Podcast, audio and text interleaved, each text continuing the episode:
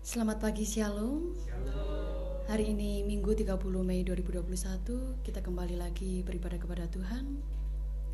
Oleh sebab itu mari kita menyerahkan hati kita dengan kesungguhan hati kita untuk memuji menyembahnya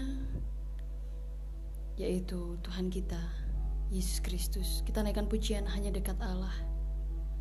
Rasa tenang hati kita sebab dialah yang menyertai setiap jalan kita sepanjang hidup kita.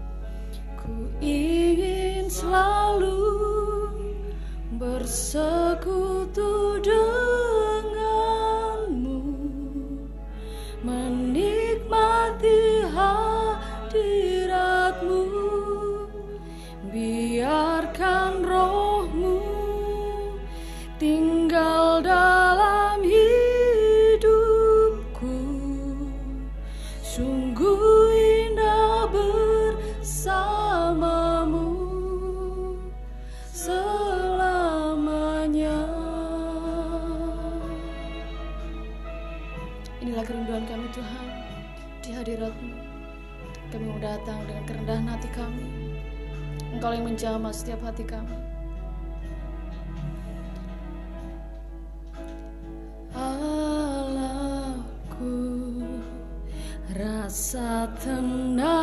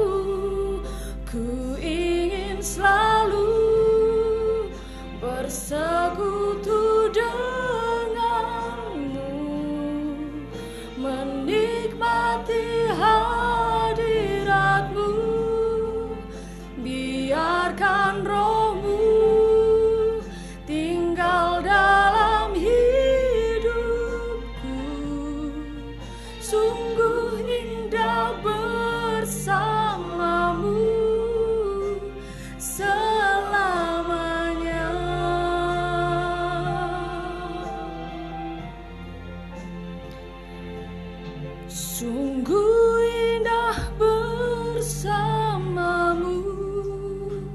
selamanya.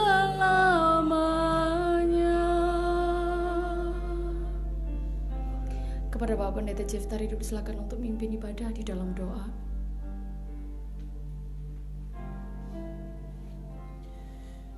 Baiklah jemaat Tuhan yang terkasih, kita masuk dalam doa memulai ibadah kita.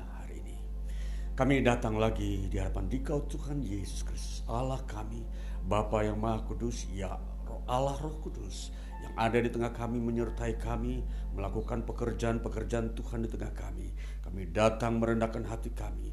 Kami memandang Tuhan di bawah kaki salibmu ya Yesus Kristus. Kami duduk dan kami menikmati segala berkat anugerah Tuhan yang Tuhan sediakan selalu bagi kami umat tebusanmu. Kami datang menyembah Tuhan, memuliakan namamu yang kudus, mengagungkan engkau Tuhan dalam hidup kami hari lepas hari yang tetap setia menyertai kami dan selalu menguduskan kami, yang selalu membuka jalan, yang selalu uh, menghibur kami dan selalu juga melakukan tanda-tanda heran dan mujizat-mujizat Tuhan. Itulah sebabnya di hari ini kami bersyukur dan bersuka cita memuliakan Tuhan di dalam ibadah ini dan kami percaya Tuhan akan lagi melakukan perkara-perkara ajaib dalam hidup kami di hari-hari depan. Itulah sebabnya ketika kami beribadah, di situlah kami melihat suatu keberlangsungan hidup dan iman kami di depan dikau Tuhan di dunia ini. Maka turunlah anugerah dari surga di dalam Yesus Kristus di tengah kami, memberkati kami ibadah kami dari awal pertengahan pertengahan hingga pada akhirnya. Itu terjadi di dalam nama Tuhan Yesus Kristus. Haleluya. Amin. Mari saudara-saudara kita bangkit berdiri. Kita akan naikkan pujian ku diberi kuasa. Sebab sungguh besar Tuhan kita. Haleluya.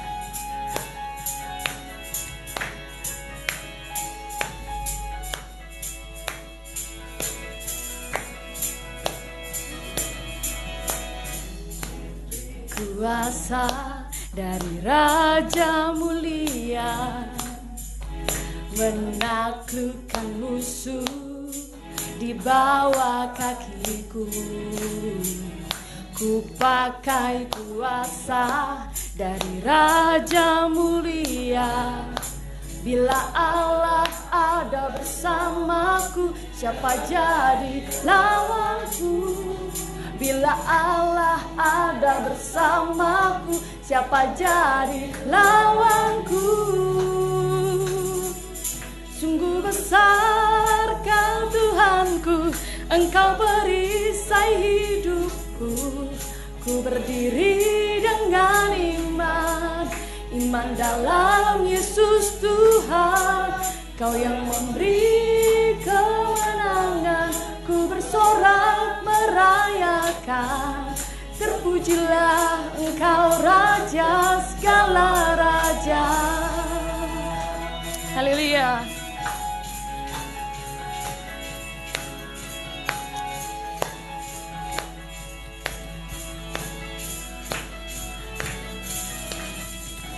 Ku diberi kuasa dari Raja Mulia menaklukkan musuh di bawah kakiku. Ku pakai kuasa dari Raja Mulia. Bila Allah ada bersamaku, siapa jadi lawanku? Bila Allah ada bersamaku, lawanku.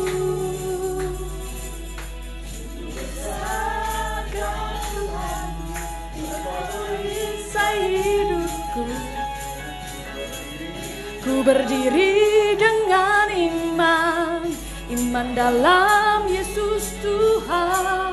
Kau yang memberi kemenangan Ku bersorak merayakan. Terpujilah engkau Raja segala Raja Sungguh besar kau Tuhanku. Engkau perisai hidupku. Ku berdiri dengan iman. Iman dalam yang memberi kemenangan.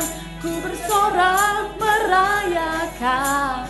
Terpujilah engkau Raja. Segala Raja Terpujilah Engkau Raja Segala Raja.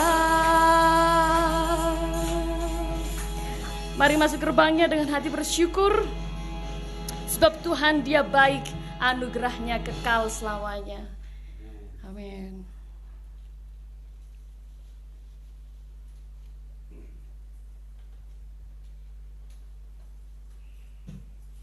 Kita naikkan pujian. Sebab Tuhan dia baik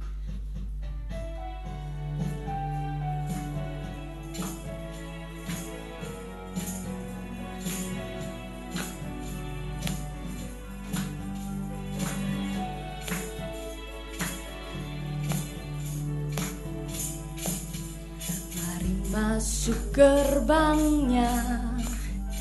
Dengan hati bersyukur halamannya dengan pujian.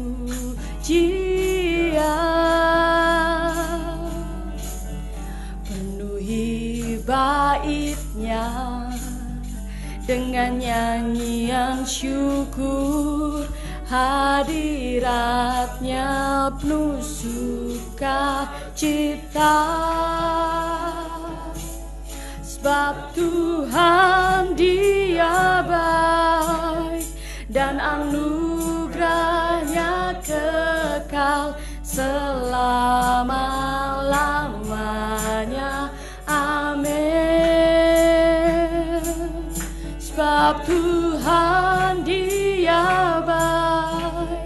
Dan anugerahnya kekal selama-lamanya. Amin. Lambaikan tanganmu saudara. Sebab Tuhan dia baik.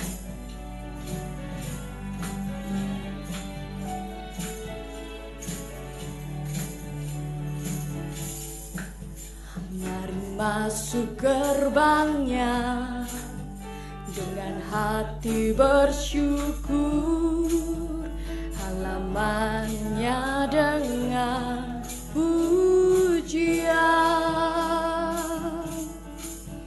Penuhi baitnya dengan nyanyian syukur. Hadiratnya penuh suka cita Sebab Tuhan dia baik Dan anugerahnya kekal selama-lamanya. Amin. Sebab Tuhan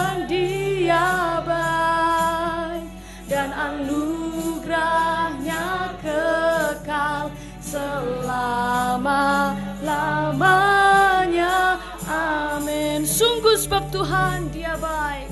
Sebab Tuhan dia baik. Dan anugerahnya kekal selama-lamanya. Amin. Sebab Tuhan dia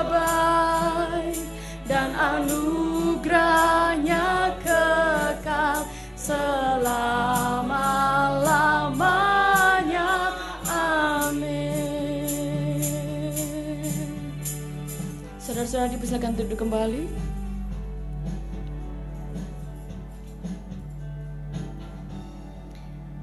Tiba waktunya bagi saudara yang ingin memberikan kesaksian, dipersilakan.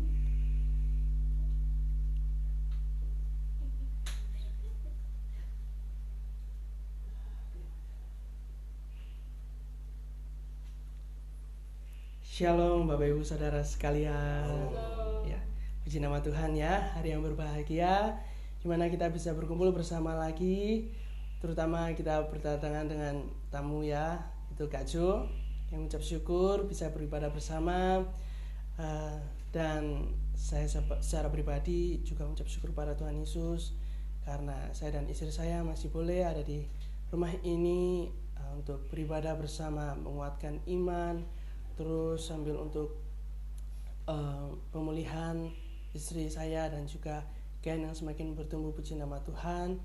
Uh, dan waktu berjalan terus semakin cepat tidak terasa.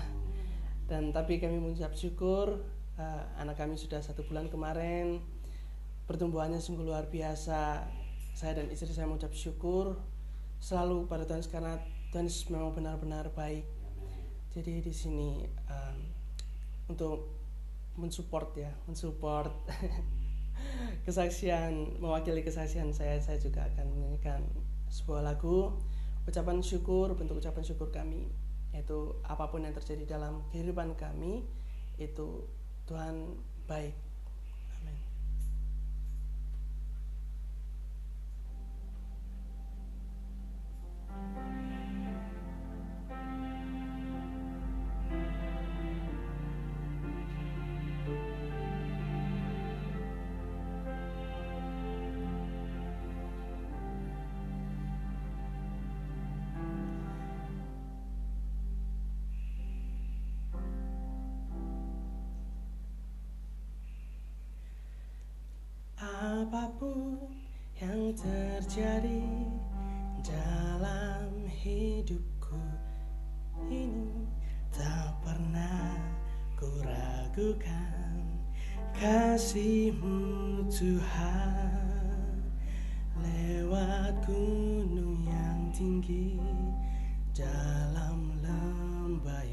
curam tak pernah ku ragukan kasihmu Tuhan.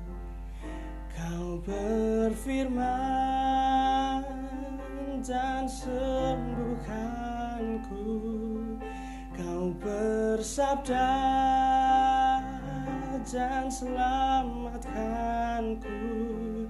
Tiada yang mustahil bagimu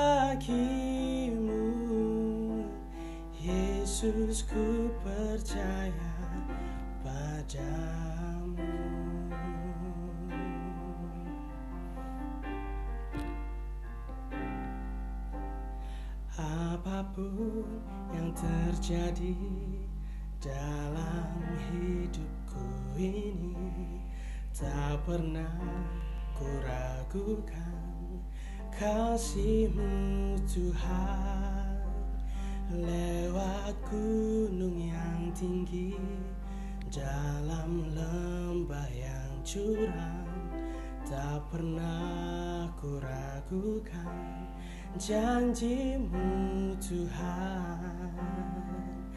Kau berfirman dan sembuhkanku. Kau bersabda dan selamatkanku.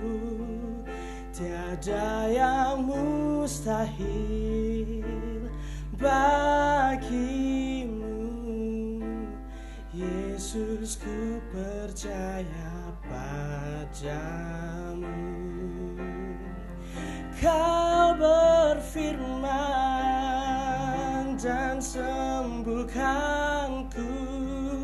Kau bersabda dan selamatkanku. Tiada yang mustahil bagimu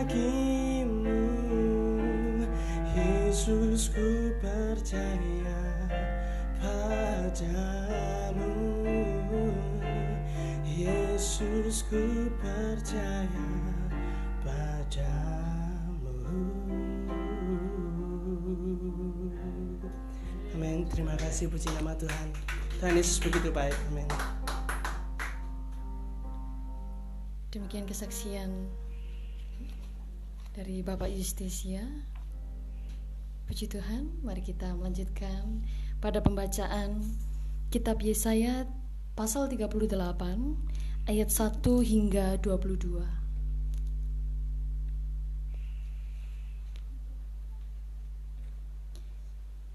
Yesaya 38 ayat 1 hingga 22 Mari kita baca bersama-sama 1, 2, dua, tiga. Hizkia sakit dan disembuhkan. Pada hari-hari itu Hizkia jatuh sakit dan hampir mati. Lalu datanglah Nabi Yesaya bin Amos dan berkata kepadanya, Beginilah firman Tuhan, sampaikanlah pesan terakhir kepada keluargamu, sebab engkau akan mati, tidak akan sembuh lagi. Lalu Hizkia memalingkan mukanya ke arah dinding dan ia berdoa kepada Tuhan. Ia berkata, Ah Tuhan, ingatlah kiranya bahwa aku telah hidup di hadapanmu dengan setia dan dengan tulus hati dan bahwa aku telah melakukan apa yang baik di matamu. Kemudian menangislah Hizkia dengan sangat. Maka berfirmanlah Tuhan kepada Yesaya, Pergilah dan katakanlah kepada Hizkia, Beginilah firman Tuhan Allah Daud, Bapa leluhurmu, telah kudengar doamu dan telah kulihat air matamu. Sesungguhnya aku akan memperpanjang hidupmu lima belas tahun lagi, dan aku akan melepaskan engkau dan kota ini dari tangan Raja Asyur, dan aku akan memagari kota ini. Inilah yang akan menjadi tanda bagimu dari Tuhan, bahwa Tuhan akan melakukan apa yang telah dijanjikannya. Sesungguhnya bayang-bayang pada penunjuk matahari buatan Ahas akan kubuat mundur ke belakang sepuluh tapak yang telah dijalaninya. Maka pada penunjuk matahari itu, matahari pun mundurlah ke belakang sepuluh tapak dari jarak yang telah dijalaninya. Karangan Hizkia, Raja Yehuda, sesudah ia sakit dan sembuh dari penyakitnya. Aku ini berkata, dalam pertengahan umurku aku harus pergi ke pintu gerbang dunia orang mati, aku dipanggil untuk selebihnya dari hidupku. Aku berkata, aku tidak akan melihat Tuhan lagi di negeri orang-orang yang hidup. Aku tidak akan melihat seorang pun lagi di antara penduduk dunia. Pondok kediamanku dibongkar dan dibuka seperti kemah gembala. Seperti tukang tenun menggulung tenunannya, aku mengkiri hidupku. Tuhan memutus nyawaku dari benang hidup. Dari siang sampai malam engkau membiarkan aku begitu saja. Aku berteriak minta tolong sampai pagi. Seperti singa, demikianlah Tuhan menghancurkan segala tulang-tulangku. Dari siang sampai malam, Engkau membiarkan aku begitu saja. Seperti burung layang-layang, demikianlah aku menciap-ciap. Suaraku redup seperti suara merpati. Mataku habis menengadah ke atas. Ya Tuhan, pemerasan terjadi kepadaku. Jadilah jaminan bagiku. Apakah yang akan kukatakan dan kuucapkan kepada Tuhan? Bukankah Dia yang telah melakukannya? Aku sama sekali tidak dapat tidur karena pahit pedihnya perasaanku. Ya Tuhan, karena inilah hatiku mengharapkan Engkau, tenangkanlah rohku, buatlah aku sehat, buatlah aku sembuh. Sesungguhnya penderitaan yang pahit menjadi keselamatan bagiku Engkaulah yang mencegah jiwaku dari lubang kebinasaan, sebab Engkau telah melemparkan segala dosaku jauh dari hadapan. Sebab dunia orang mati tidak dapat mengucap syukur kepadamu, dan mau tidak dapat memuji-muji Engkau. Orang-orang yang turun ke liang kubur tidak menanti-nanti akan kesetiaan, tetapi hanyalah orang yang hidup Dialah yang mengucap syukur kepadamu, seperti aku pada hari ini. Seorang bapa memberitahukan kesetiaanmu kepada anak-anaknya. Tuhan telah datang menyelamatkan aku. Kami hendak main kecapi seumur hidup kami di rumah Tuhan. Kemudian berkatalah Yesaya, Baiklah diambil sebuah kue ara dan ditaruh pada barah itu supaya sembuh. Sebelum itu Hizkia telah berkata, Apakah yang akan menjadi tanda bahwa aku akan pergi ke rumah Tuhan? Demikian pembacaan kitab Yesaya.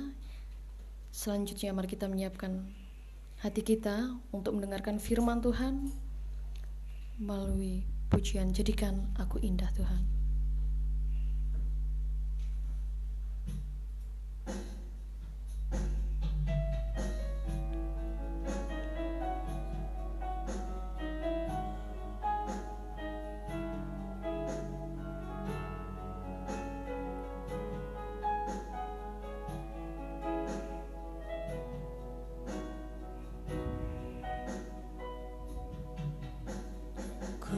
Datang ya Bapa dalam kerinduan.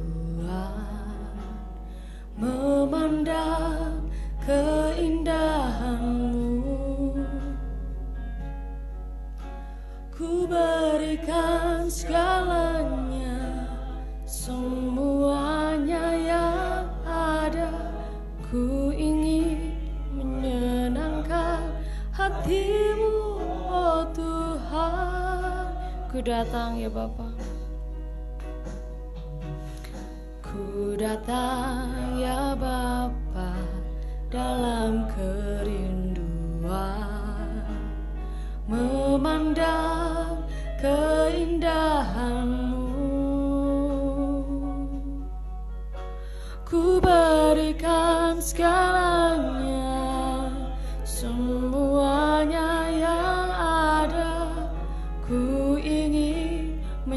menyenangkan hatimu oh Tuhan.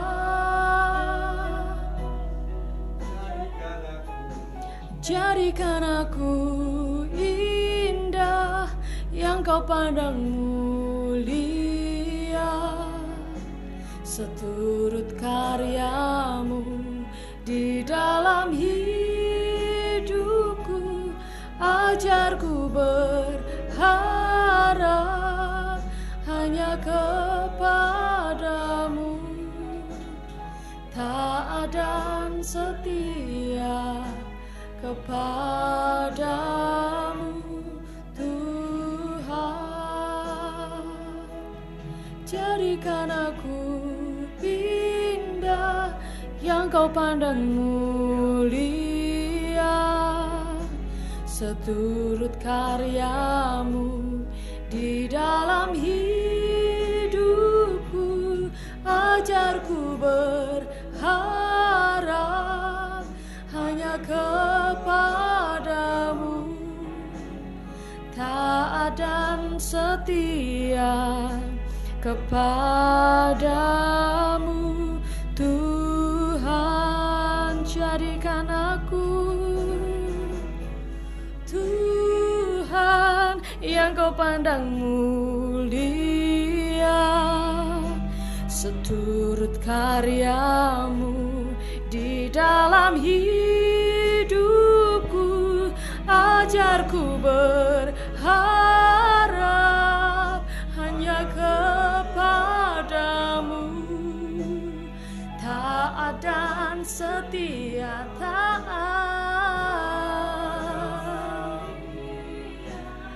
Taat dan setia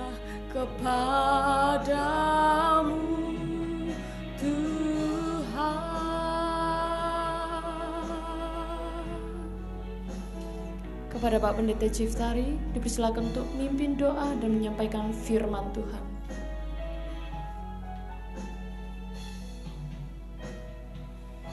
Mari kita merendahkan hati kita. Kita menyembah Tuhan dan mengisi hidup kita dengan firman Tuhan di hari ini supaya hidup kita di hari-hari kemudian akan mendapatkan kekuatan baru kuasa dari Kristus Yesus, kuasa keilahian, kuasa yang dari surga yang nyata untuk hidup kita. Mari kita berdoa sambil menyembahmu Bapa di surga di hari ini.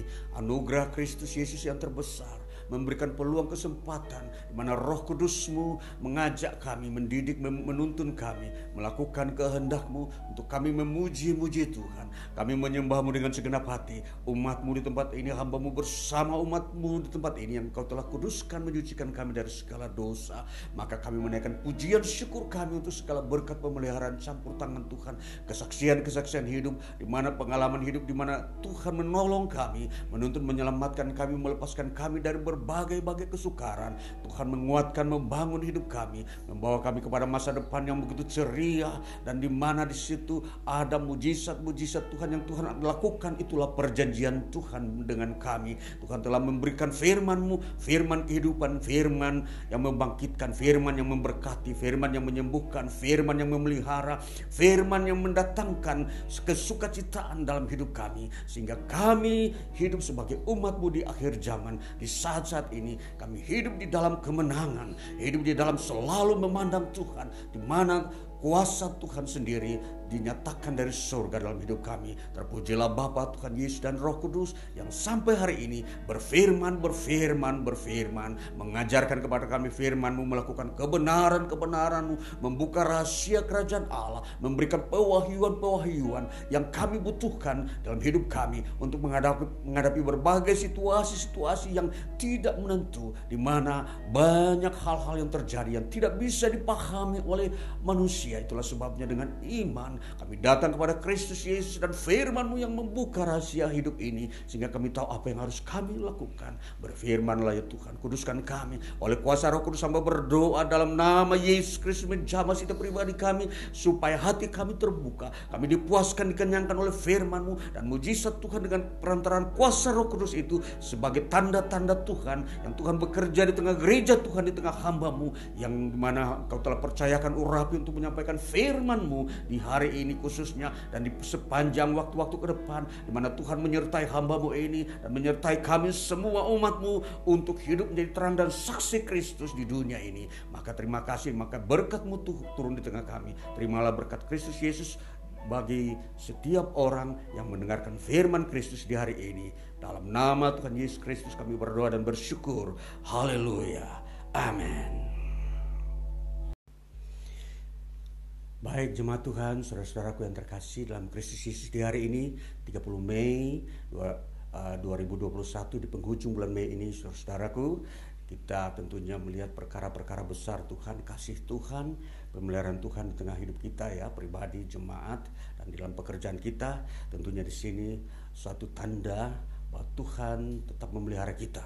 Di hari ini kita akan membuka firman Tuhan dari dua bagian yaitu terambil dari kitab Kolose yang pertama terambil dari kitab Kolose pasal yang pertama ayat yang ke-23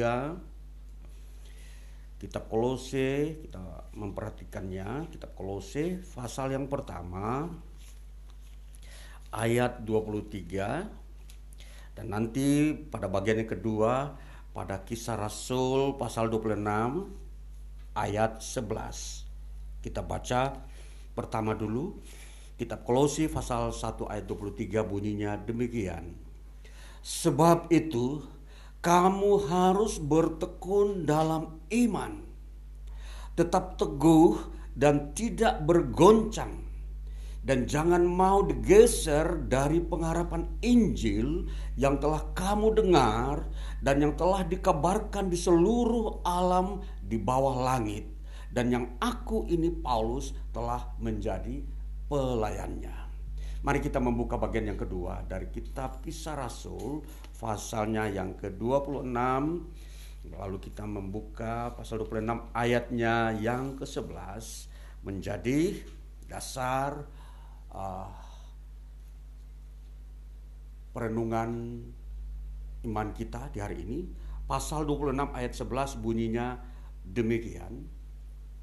Dalam rumah-rumah ibadat, aku sering menyiksa mereka dan memaksanya untuk menyangkal imannya. Dan dalam amarah yang meluap-luap, aku mengejar mereka bahkan sampai ke kota-kota asing.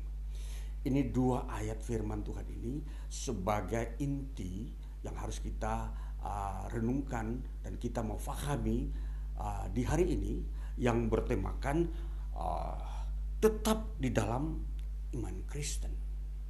Tema ini mau menggugah kita untuk tetap di dalam iman Kristen artinya percaya kepada Yesus Kristus. Saudaraku yang terkasih, kita mau memperhatikan dulu ada sebuah kalau saya mengambil sebuah ilustrasi, katakanlah uh, sebuah saya mengambil dari sebuah uh, pemandangan taman.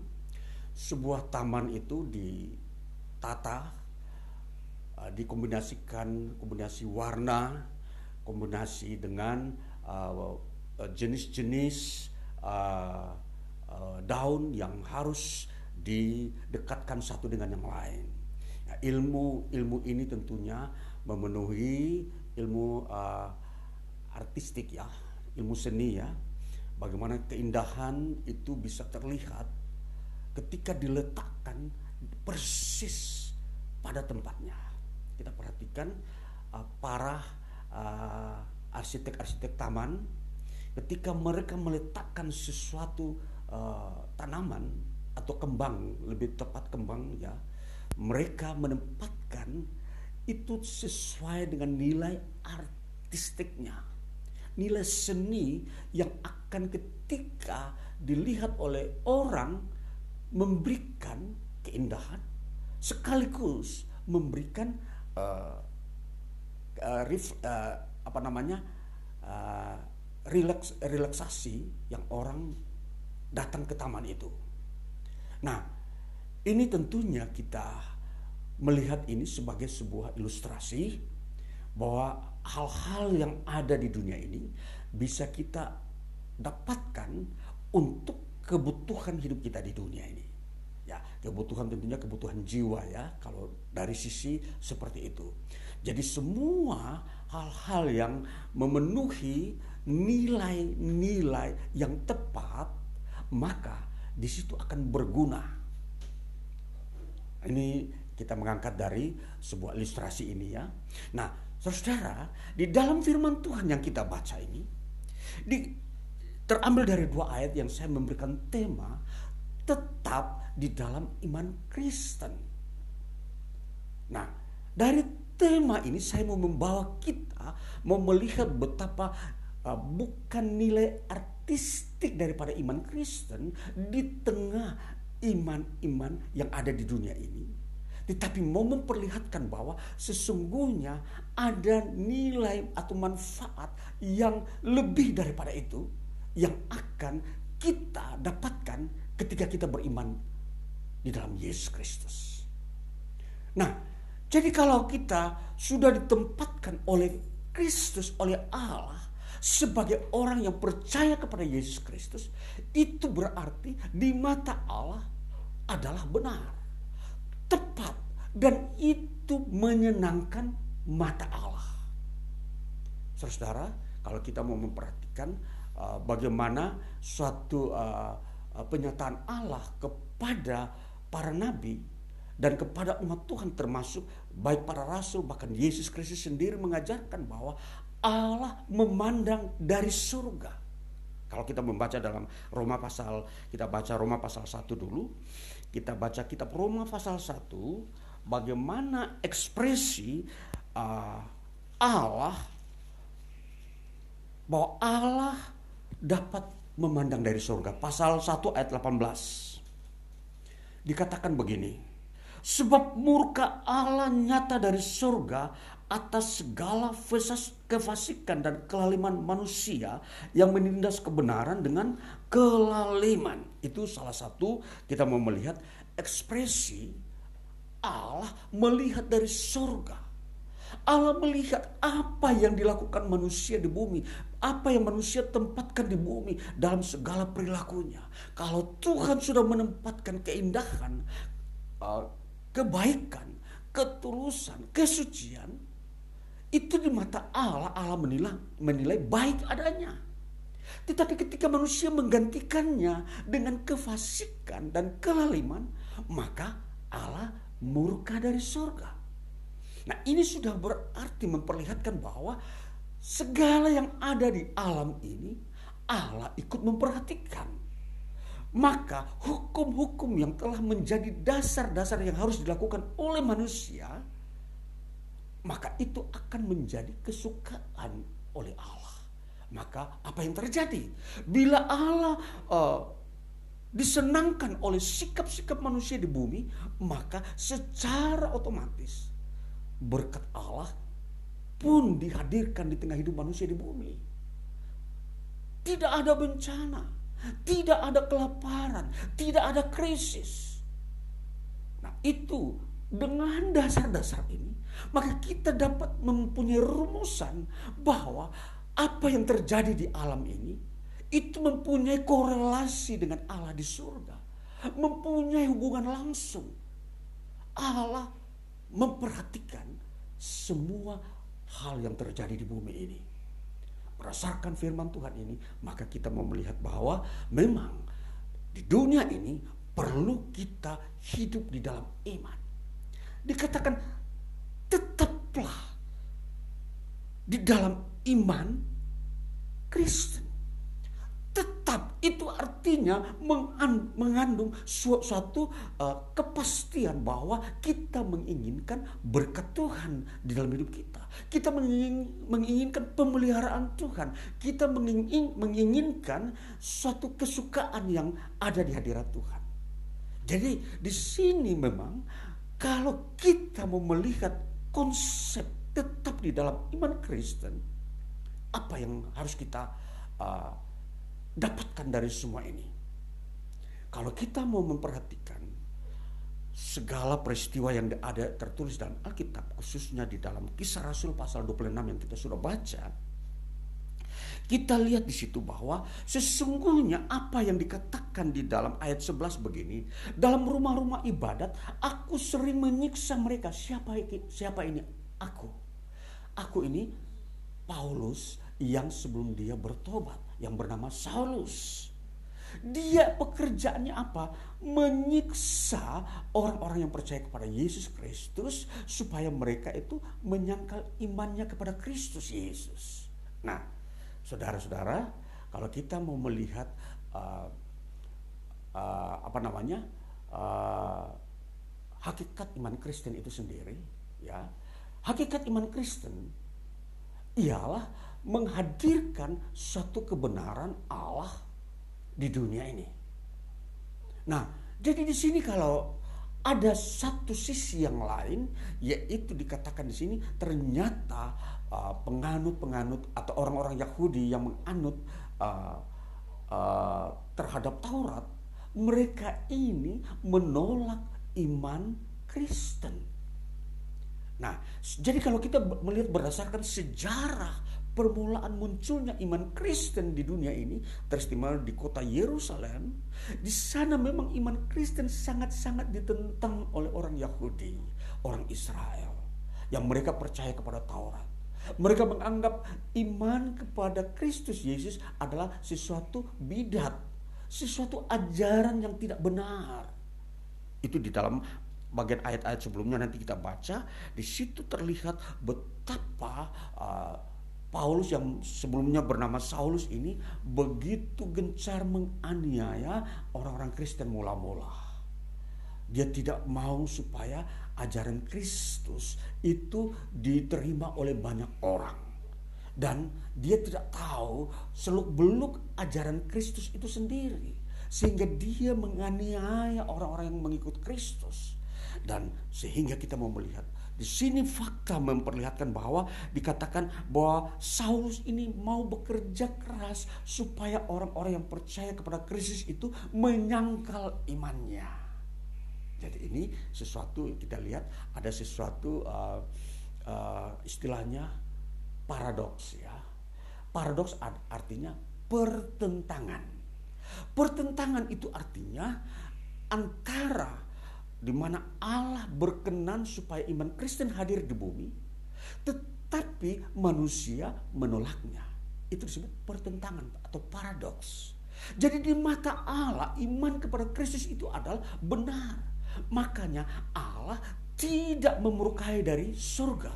Kalau dikatakan pada kitab Roma pasal 1 ayat 18 dikatakan Allah murka dari surga karena manusia menggantikan kebenaran dengan kelaliman. Sekarang itu wujud nyatanya di dalam kehidupan Rasul Paulus. Dia menggantikan dengan segala kekerasan. Dia menolak iman Kristen. Lalu kemudian dia menyiksa dan dia mengusir orang-orang yang beribadat di rumah-rumah ibadat. Itu pekerjaan Paulus sebelum dia bertobat menjadi rasul. Jadi ini ini sesuatu memang terjadi yang disebut paradoks. Pertentangan, ada kemustahilan yang manusia kalau berpikir kenapa kebenaran hadir di bumi ditolak oleh manusia dan ditolak manusia ini bukan manusia biasa tapi manusia-manusia yang telah mengenal hukum-hukum Tuhan. Paulus ini dia bukan seorang penjahat tapi dia seorang yang taat dan setia kepada hukum Taurat. Dia seorang Farisi. Dia seorang yang uh, tekun melakukan ibadah menurut Taurat dan dia tidak bercacat celah. Dia orang yang aktif dan setia melakukan semua ajaran-ajaran Taurat. Tetapi justru dialah orang yang menganiaya atau menyiksa orang-orang yang percaya kepada Kristus pada abad mula-mula di mana orang percaya ada. Dan dampaknya ketika dia bertobat apa yang terjadi kita lihat pada pasal yang berikutnya pada ayat yang berikutnya dikatakan pada ayat yang ke uh, mulai pada ayatnya yang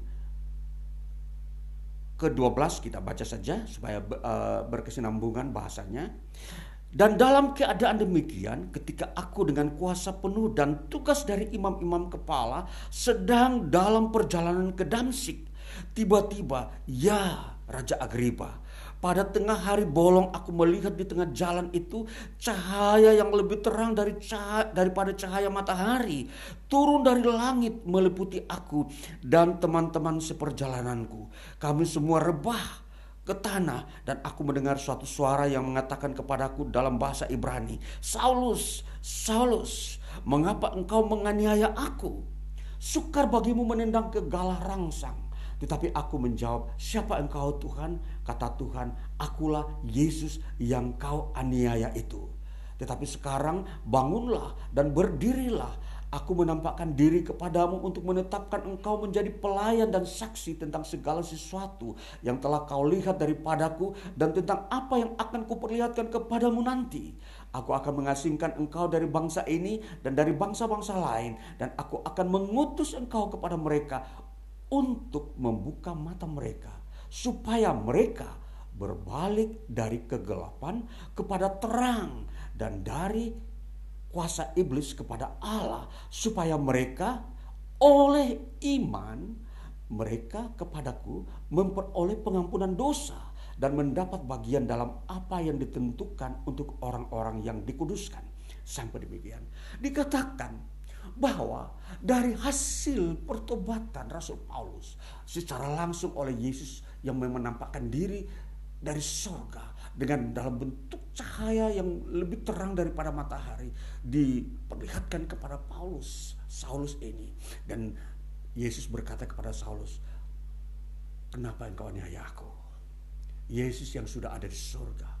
Dan Yesus berkata kepada Saulus mengapa engkau aniaya aku Padahal yang uh, yang yang Saulus lakukan aniaya bukan Yesus, tetapi orang-orang yang percaya kepada Yesus. Tapi Yesus berkata, engkau telah menganiaya aku. Karena orang yang percaya kepadaku itu adalah milikku. Itu sama dengan aku sendiri. Jadi bahasanya seperti itu. Nah jadi ini saudara-saudara, bahwa Saulus berkata, siapakah engkau? Yesus berkata, akulah Tuhan. Jadi di sini terjadi suatu pembaharuan yang dialami oleh Saulus ini dan dia menjadi rasul. Lalu apa yang dikatakan tulisannya di dalam sat, eh, di dalam Kolose pasal 1 ayat yang ke-23 tadi. Dikatakan begini, sebab itu kamu harus bertekun dalam iman. Dia menulis surat kepada jemaat orang Kristen di Kolose, sebuah kota di di uh, Eropa dan dikatakan kepada orang-orang uh, percaya kepada, uh, ke, uh, kepada Yesus Kristus yang sedang mengalami aniaya. Dan dia berkata, sebab itu kamu harus bertekun dalam iman, tetap teguh dan tidak bergoncang, dan jangan mau digeser dari pengharapan Injil yang telah kamu dengar dan yang telah dikabarkan di seluruh alam di bawah langit, dan yang aku ini, Paulus, telah menjadi pelayannya. Jadi setelah Paulus yang bertobat ini, dia mengalami pembaruan iman. Justru dia kembali dipakai oleh Tuhan Yesus untuk meneguhkan iman orang-orang yang mengalami penganiayaan-penganiayaan. Saudara-saudaraku yang terkasih, iman kepada Yesus Kristus sangat berbeda dengan iman kepada pribadi-pribadi yang lain. iman kepada Yesus Kristus mempunyai spesifikasi bahwa harus ada suatu penolakan. Dua, penganiayaan. Tiga, penghinaan. Empat, uh, uh, apa namanya? Uh, pengejekan. Jadi empat unsur yang akan terjadi ketika iman Kristen itu ada di dalam sesuatu lingkungan. Ini empat hal ini pasti akan terbentuk. Jangan kita ber, berharap bahwa ketika percaya kepada Yesus Kristus aman-aman orang membawa kado, membawa apa namanya hadiah, ya.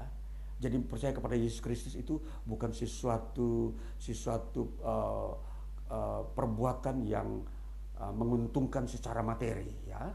Bukan sesuatu uh, yang berbau bisnis, bukan sesuatu yang uh, berbau hal-hal yang uh, dunia ini yang sementara yang di situ uh, seolah-olah ada ada sebuah persepakatan persepakatan manusiawi di mana manusia membangun organisasi supaya uh, manusia bisa berkomunikasi. Iman kepada Kristus, iman Kristen bukanlah bersifat hal-hal yang di dunia ini.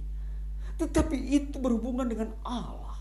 Itulah sebabnya Allah di surga memperhatikan di mana setiap orang yang datang kepada Yesus Kristus mereka akan mendapat sebuah pembelaan di tengah dunia ini dari suatu tekanan, ancaman atau penganiayaan atau pengejekan. Ini hal-hal yang menyangkut hakikat iman Kristen. Kebenaran itu tidak bisa diterima langsung oleh manusia di dunia ini. Iman kepada Kristus Yesus itu adalah kebenaran. Kebenaran Allah bukan kebenaran manusia. Jadi apa yang Allah berikan berupa kebenaran, kebenarannya kepada uh, manusia yang percaya kepada Yesus Kristus di muka bumi, mereka itu adalah orang-orang yang telah menerima wahyu. Jadi iman kepada Kristen bukan sesuatu ilmu pengetahuan, tetapi sesuatu wahyu. Jadi tidak bisa semua orang mendapatkan hal yang sama. Ada satu orang, misalkan dia seperti Paulus, di antara teman-temannya yang menjadi uh, penganiaya-penganiaya jemaat, tidak semua menjadi rasul. Hanya Paulus yang menjadi rasul, yang lainnya menjadi orang bertobat biasa. Berarti ini wahyu, tidak semua orang dapatkan.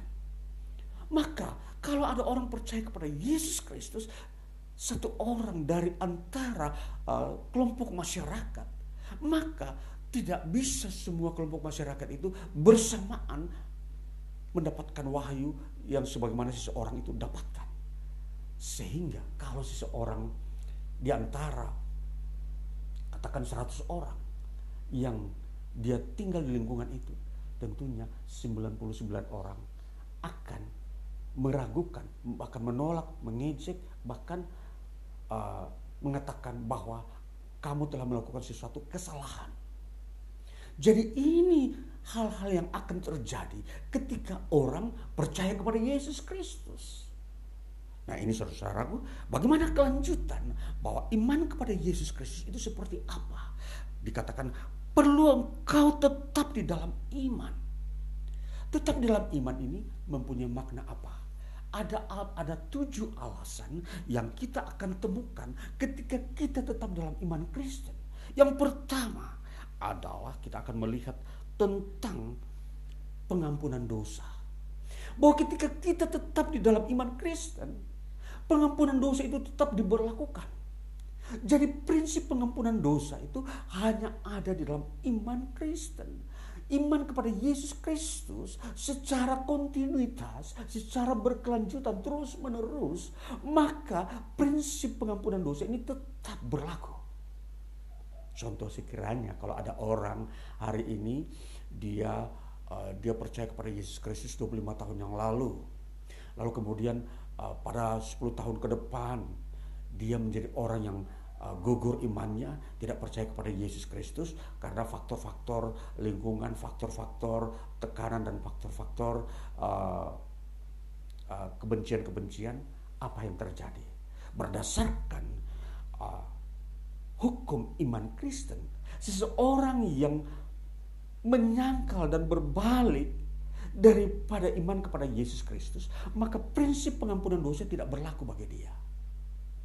Jadi prinsip pengampunan dosa itu berlaku bersifat kekal sepanjang orang itu tetap beriman di dalam Kristus Yesus. Maka ini makanya dikatakan tetaplah uh, di dalam iman kepada Yesus Kristus. Ini sebuah nasihat Rasul Paulus. Tetaplah engkau beriman kepada Yesus Kristus dalam satu Kolose pasal 1 ayat 23, jangan kamu bergon jangan kamu digoncangkan oleh hal-hal yang ada di sekitarmu.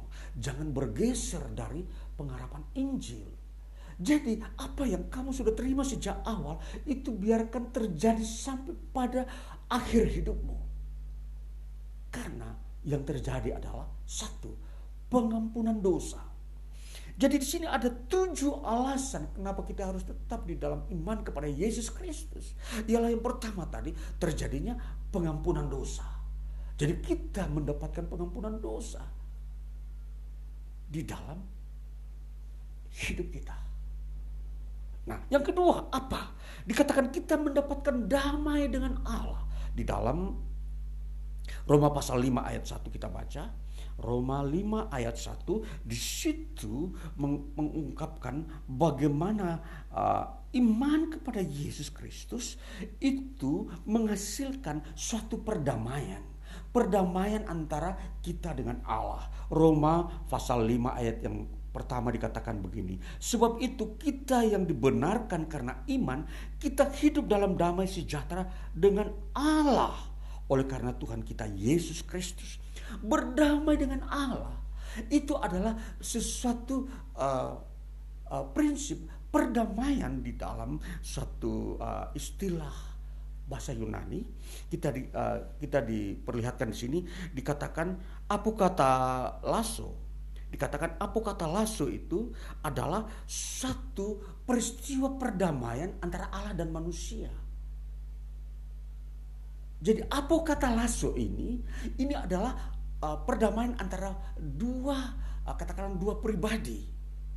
Allah dan manusia. Itu berarti bahwa sepanjang orang tidak percaya kepada Yesus Kristus telah terjadi permusuhan antara Allah dan manusia.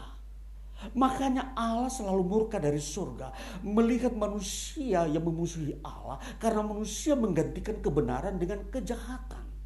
Maka manusia di sini yang ada hidup di bumi ini mereka selalu hidup dalam kejahatan. Dan ini menjadi permusuhan dengan Allah. Sepanjang manusia tidak percaya kepada Kristus Yesus, mereka tidak pernah melakukan perdamaian dengan Allah. Allah tidak pernah berdamai dengan manusia yang belum percaya kepada Yesus Kristus. Itulah sebabnya selalu terjadi di muka bumi, selalu terjadi apa hal-hal yang disebut bencana, krisis, dan terjadi penghukuman-penghukuman yang bentuknya supranatural yang tidak bisa dipahami oleh hal-hal alamiah naturalisme manusia.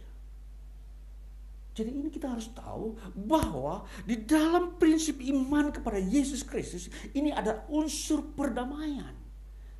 Itulah sebabnya dikatakan kita tidak lagi mendapatkan penghukuman kutuk dari Allah sekalipun di dunia ini ada krisis. Dengan kata lain bahwa ada jalan keluar yang Tuhan berikan jawaban kepada orang-orang percaya kepada Yesus Kristus di tengah dunia yang krisis. Tuhan membuat mujizat. Dan mujizat ini menjadi alat Tuhan yang uh, benar, yang memang uh, Tuhan pakai untuk memelihara umatnya di muka bumi. Itu demikian. Maka kita mau melihat alasan yang ketiga. Dikatakan kita akan masuk dalam kasih karunia. Di dalam ayat yang kedua dikatakan di sini oleh dia kita juga beroleh jalan masuk oleh iman kepada kasih karunia ini. Di dalam kasih karunia ini kita berdiri dan kita bermegah dalam pengharapan akan menerima kemuliaan Allah. Kita masuk dalam kasih karunia. Apa itu kasih karunia? Kasih karunia itu sebuah belas kasihan Allah di mana Allah menaruh berkat-berkatnya di dalam. Maka kalau kita telah berdamai dengan Allah, secara berkelanjutan kita masuk kepada tahap berikutnya. Tahap menerima berkat Tuhan, kasih karunia. Di sini kita uh, bisa melihat apa yang kita butuhkan sebagai umat Tuhan di muka bumi ini, kita akan mendapatkan karena di situ kasih karunia telah disediakan. Di dalam kasih karunia ini kita dapat berdoa, kita dapat beribadah.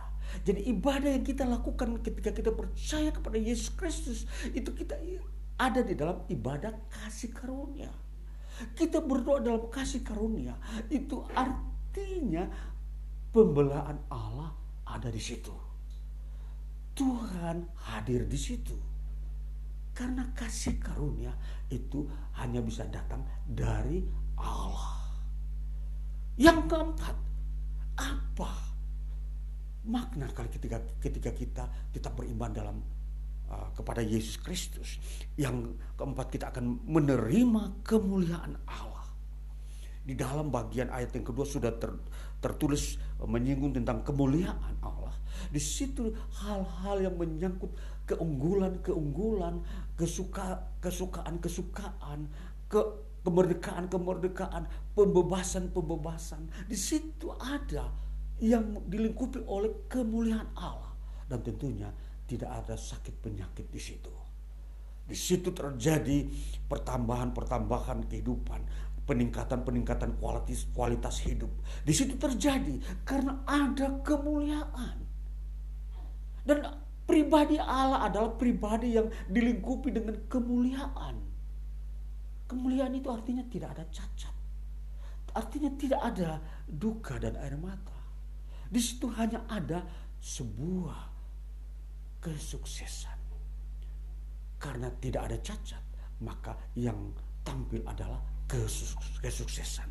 Bagian yang kelima, apa yang akan kita lihat ketika kita tetap di dalam iman Kristen, kita akan menjadi warga kerajaan sorga. Kita membuka di dalam kitab 2 Tesalonika, pasal yang pertama ayat yang kelima. Kita akan memperhatikan kitab 2 Tesalonika pasal pertama ayat yang kelima bunyinya demikian.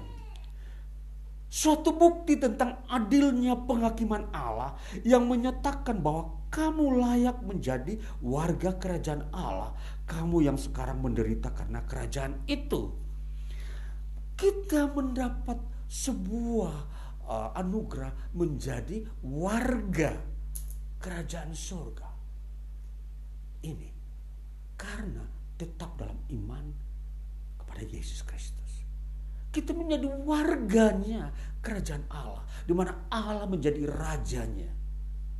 Jadi itu sesuatu yang memang kita dapatkan kita umat Tuhan yang percaya kepada Yesus Kristus di dalam ketetapan kesetiaan kita.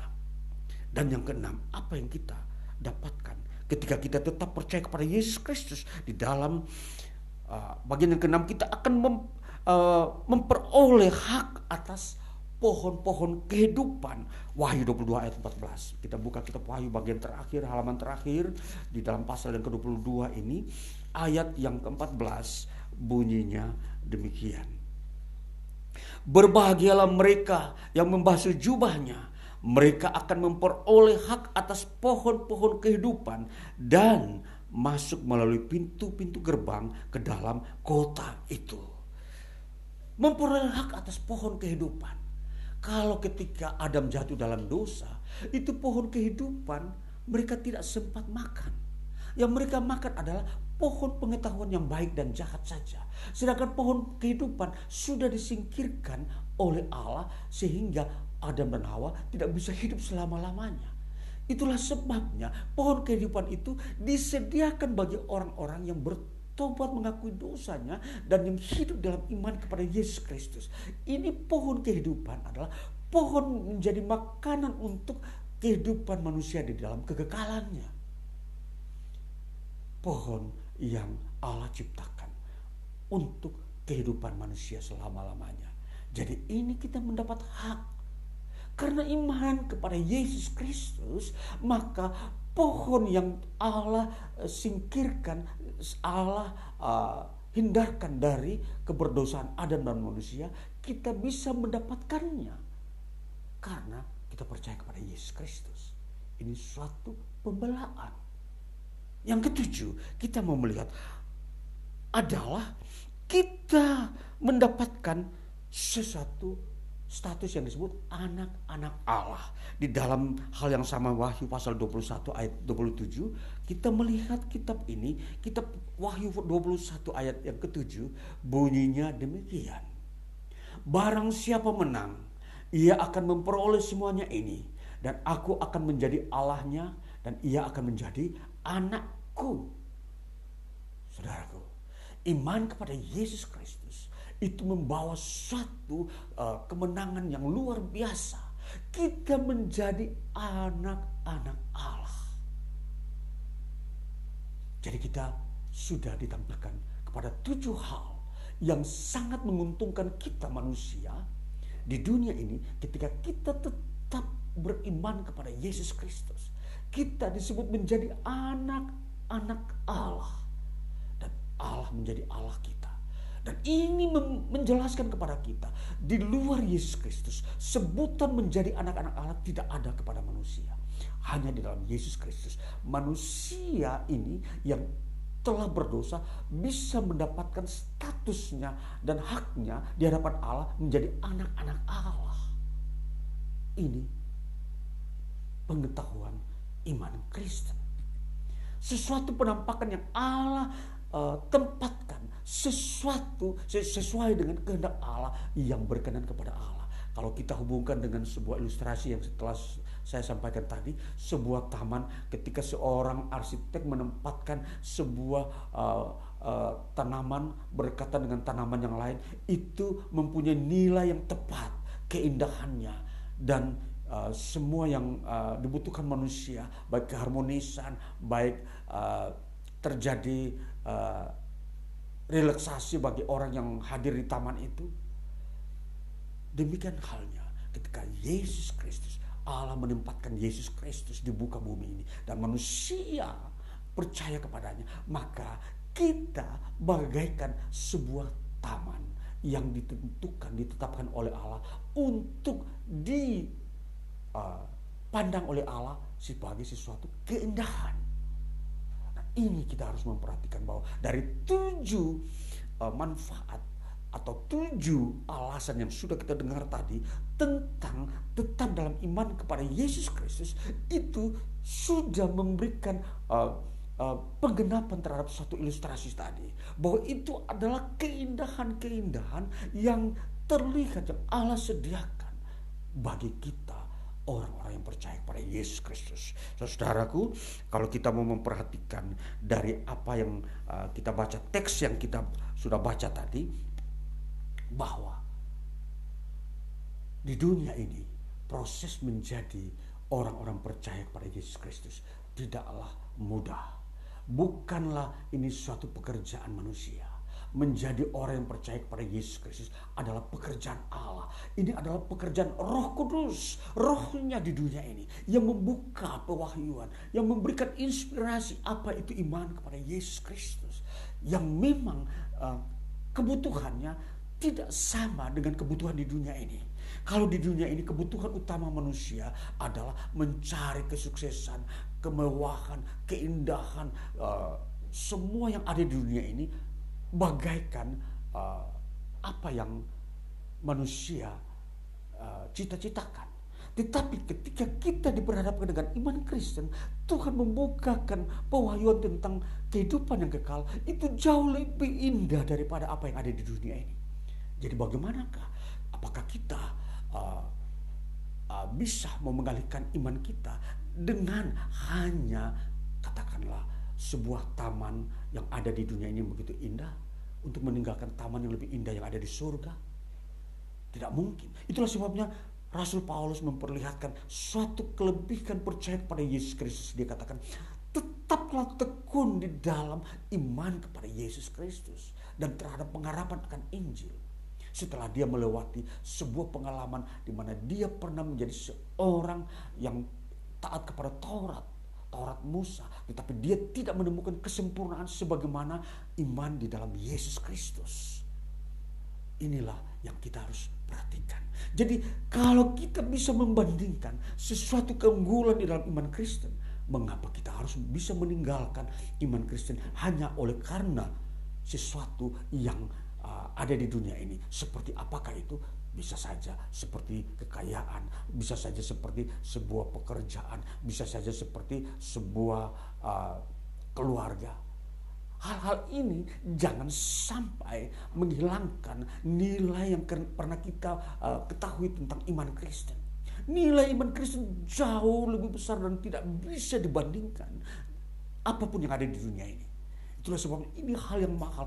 Paulus Rasul Tuhan Yesus Kristus ini selalu menegaskan kepada jemaat Tuhan, jangan sekali kamu sekali-kali kamu meninggalkan imanmu Sekalipun dulu dia pekerjaannya ialah supaya um, um, menyiksa orang supaya orang menyangkal imannya. Sekarang dia setelah mengerti hal kekayaan surga, dia menasihati orang-orang percaya jangan sekalipun kamu mengalami goncangan-goncangan di bumi ini Nah inilah saudara-saudaraku yang terkasih. Ini kekayaan-kekayaan iman Kristen yang memang kita harus ketahui. Dan itu sudah disediakan di surga maupun di bumi. Kita mau melihat bahwa apa yang kita sudah lihat tujuh alasan kita percaya kepada Yesus Kristus ini. Itu ada memiliki dua dimensi. Dimensi yang pertama di dunia ini tentunya yang diperlihatkan di sini bahwa di situ kita akan merasakan pengampunan dosa. Di dunia ini kita sudah merasakan pengampunan dosa. Kemudian yang kedua kita sudah merasa damai dengan Allah. Di dalam hati kita ada sejahtera, ada sukacita karena berdamai dengan Allah. Dan yang ketiga, kita sudah bisa masuk di dalam kasih karunia. Di dalam kekayaan-kekayaan yang Tuhan sediakan di dunia ini pula. Kita diizinkan untuk menikmati. Dan tentunya ini sebuah kebenaran. Dan kemudian kita mau melihat bahwa hal yang keempat, bahwa kita menerima kemuliaan Allah.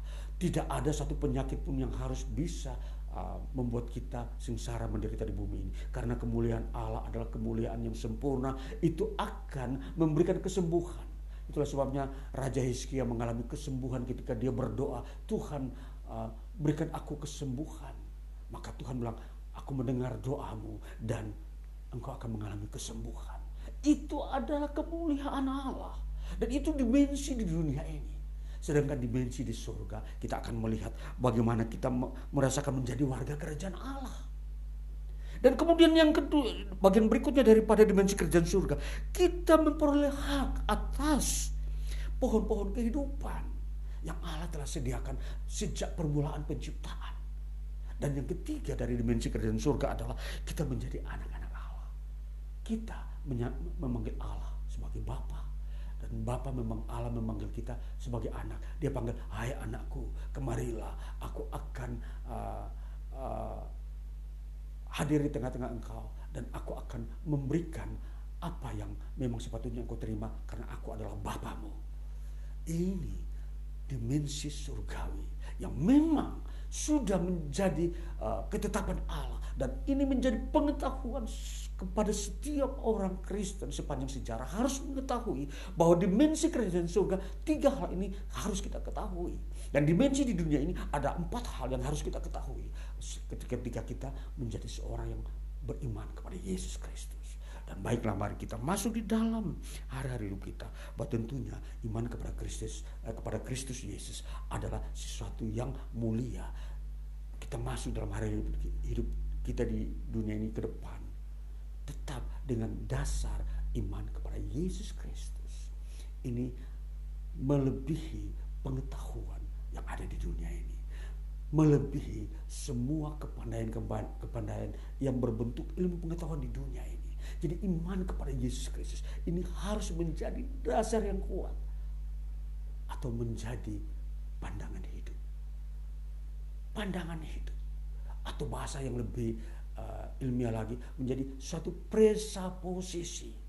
Presaposisi itu adalah pandangan dasar tentang hidup ini bahwa iman itu adalah satu-satunya keunggulan yang dibutuhkan oleh manusia di bumi ini. Jadi untuk kita mendapatkan sesuatu kemurahan, mujizat, berkat tidak ada tempat lain hanya di dalam iman kepada Yesus Kristus. Karena situ sudah terjadi suatu perdamaian Allah dengan kita maka di situ kita bisa dimungkinkan untuk melihat mujizat. Tanpa perdamaian tidak ada mujizat. Yang ada hanya hukuman. Karena Allah murka dari surga terhadap semua orang di muka bumi yang menggantikan kebenaran dengan kejahatan. Itulah mereka yang tidak mau berdamai dengan Allah. Mereka yang tidak mau percaya kepada Yesus Kristus. Mereka tidak mendapatkan proses pengampunan dosa. Mereka tidak dapat uh, proses pemberkatan. Pembaruan hidup tidak ada di luar Yesus Kristus. Dan ini firman, ini wahyu, ini sebuah ketetapan Allah. Jadi, semua permasalahan manusia di dunia ini tidak bisa dijawab dengan ilmu pengetahuan. Hanya dengan iman kepada Yesus Kristus. Ini sebuah kebenaran. Jangan coba-coba mau mencari sebuah solusi manusia dengan memakai ilmu pengetahuan. Semua itu hanya palsu, sebentar dan hilang dan tidak berguna sepanjang sejarah abad manusia. Dengan iman kepada Yesus Kristus, semua masalah hidup manusia, penyakit, krisis ekonomi, keadaan bencana alam, semua bisa diselesaikan ketika manusia tunduk dan datang kepada Yesus Kristus. Tidak ada tempat lain. Dan itulah sebabnya firman Tuhan disampaikan untuk memberikan sebuah uh, ketetapan hidup, pandangan hidup yang tidak boleh dirubah, tidak bisa lagi diganti dengan yang lain. Apa saja motif-motif yang ada di dunia ini yang mau coba menggantikan uh, uh, menggantikan iman Kristen dengan motif-motif yang baru, jangan. Itulah sebabnya kita berjuang demi pembaruan hidup Pembaruan hidup hanya bisa terjadi dalam iman kepada Yesus Kristus. Itulah sebabnya suatu perjuangan. Injil harus diberitakan. Harus ada doa-doa para hamba Tuhan. Supaya banyak orang dibukakan tentang rahasia iman di dalam Yesus Kristus. Kiranya kita memasuki hari-hari kehidupan kita ke depan. Kita uh, diperkuat bahwa tidak ada jalan lain untuk memberikan solusi kepada permasalahan hidup manusia di dunia ini hanya dengan iman kepada Yesus Kristus Tuhan. Haleluya. Amin. Tuhan Yesus memberkati kita. Mari kita masuk di dalam doa syafaat kita. Tuhan memberkati kita. Haleluya. Kami datang kepada Engkau Tuhan Yesus Allah kami yang telah berfirman memberikan firman-Mu kepada kami dan kami telah menerima semuanya. Dan kami diperteguh lagi hari ini melalui firman-Mu bahwa kami harus tetap teguh dalam iman kepada Yesus Kristus. Sekalipun di dunia ini berbagai-bagai uh, goncangan-goncangan yang ada krisis bahkan krisis ekonomi maupun krisis penyakit maupun bencana-bencana alam kami tetap percaya bahwa kemuliaan Tuhan telah disediakan bagi orang-orang percaya bahwa mereka dipelihara di muka bumi dengan mujizat dengan kuasa yang datang dari surga di mana Allah sendiri turun uh, ke dunia untuk menyelesaikan setiap problema-problema yang di, sedang diperjuangkan oleh manusia. Betapa kami bersuka cita karena hikmatmu Tuhan mengajarkan kami supaya kami beriman kepada Yesus Kristus hanya itu, tidak ada yang lain. Di luar iman kepada Yesus Kristus, manusia tidak mendapatkan sebuah perdamaian dengan Allah. Dan di sini kami bisa melihat keutuhan kehidupan yang Tuhan kehendaki. Kami bisa melihat dimensi surgawi, dimensi dunia ini. Di dunia ini kami mendapat empat unsur dan di, di dimensi surgawi kami mendapat tiga unsur. Dan di situ di, di kolaborasikan menjadi tujuh bagian di dalam iman Kristen, maka kami bersyukur ya Tuhan, karena firman-Mu itu agung, utuh dan kuat dan uh, tidak bercacat dan bersifat kekal akan menopang kami dalam perjalanan hidup kami. Maka hamba berdoa dalam namamu Tuhan Yesus Kristus memberkati umatmu saat ini yang mendengarkan firman yang hadir di tempat ini. Teguhkan dengan firman oleh kuasa roh kudus dan setiap umatmu mampu berdiri dalam iman dalam sepanjang sejarah hidup mereka. Dan sehingga juga di sini semakin bertambah kemuliaan Tuhan memenuhi uh, kehidupan manusia. Banyak orang diperdamaikan lagi dengan Allah. Allah berdamai berdamai dengan manusia karena manusia uh, datang kepada Yesus Kristus menerima pengampunan dosa dan Tuhan menggantikan hal-hal yang baik dan benar dan kudus mulia di tengah kehidupan manusia kami bersyukur Bapa karena hal-hal yang uh, mulia dan benar ini engkau berikan kepada kami. Itulah sebabnya hari ini hambamu ini mau memberkati umatmu supaya mereka diberkati dalam hidup di dunia ini sebagai mereka yang bekerja di mana pun mereka bekerja di swasta, wira swasta, pegawai negeri maupun per, uh, uh, petani maupun mahasiswa mereka yang bekerja di pemerintah pemerintahan pun hamba memberkati supaya mereka uh, melihat kebesaran Tuhan sesuai firman-Mu bahwa Engkau memberkati dari surga setiap orang yang uh, tunduk kepada Allah yang percaya kepada Yesus Kristus. Di situ mereka menerima segala berkat-berkat-Mu ya Tuhan dari surga. Segala kekayaan-kekayaan yang Kau telah sediakan bagi setiap orang yang percaya.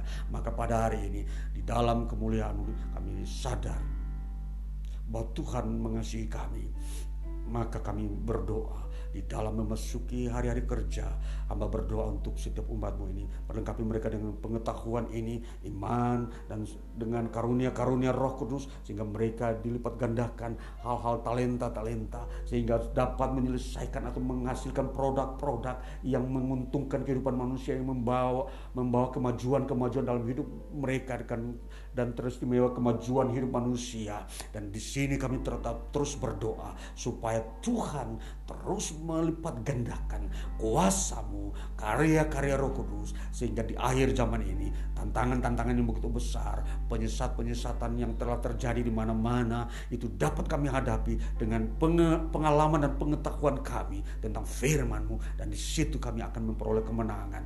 Tuhan terima kasih bahwa kekuatan dari surga terus menopang kami. Dan itulah sebabnya hambamu berdoa lagi untuk uh, kondisi-kondisi uh, jemaat Tuhan yang berada di lingkungan di mana kami berada baik di kota Malang dan sekitarnya baik di negeri kami di tengah bangsa kami ini. Tuhan memberkati supaya setiap umatmu mengerti firmanmu supaya mereka teguh beriman di dalam Kristus Yesus di tengah-tengah kondisi apa pun yang sedang terjadi di dunia ini. Kami berdoa untuk pemerintahan kami supaya mengerti kehendak Allah supaya keadilan Allah di uh, dikembangkan dan digunakan di dalam menata layanan uh, masyarakat yang membutuhkan kasih Tuhan. Maka Tuhan kami dengan doa-doa kami kami percaya terjadi pembaruan-pembaruan yang akan terjadi masa-masa akan datang memasuki era-era yang lebih lebih luas lagi. Maka kami melihat zaman ini kami melihat suatu zaman ini membutuhkan anugerah Tuhan.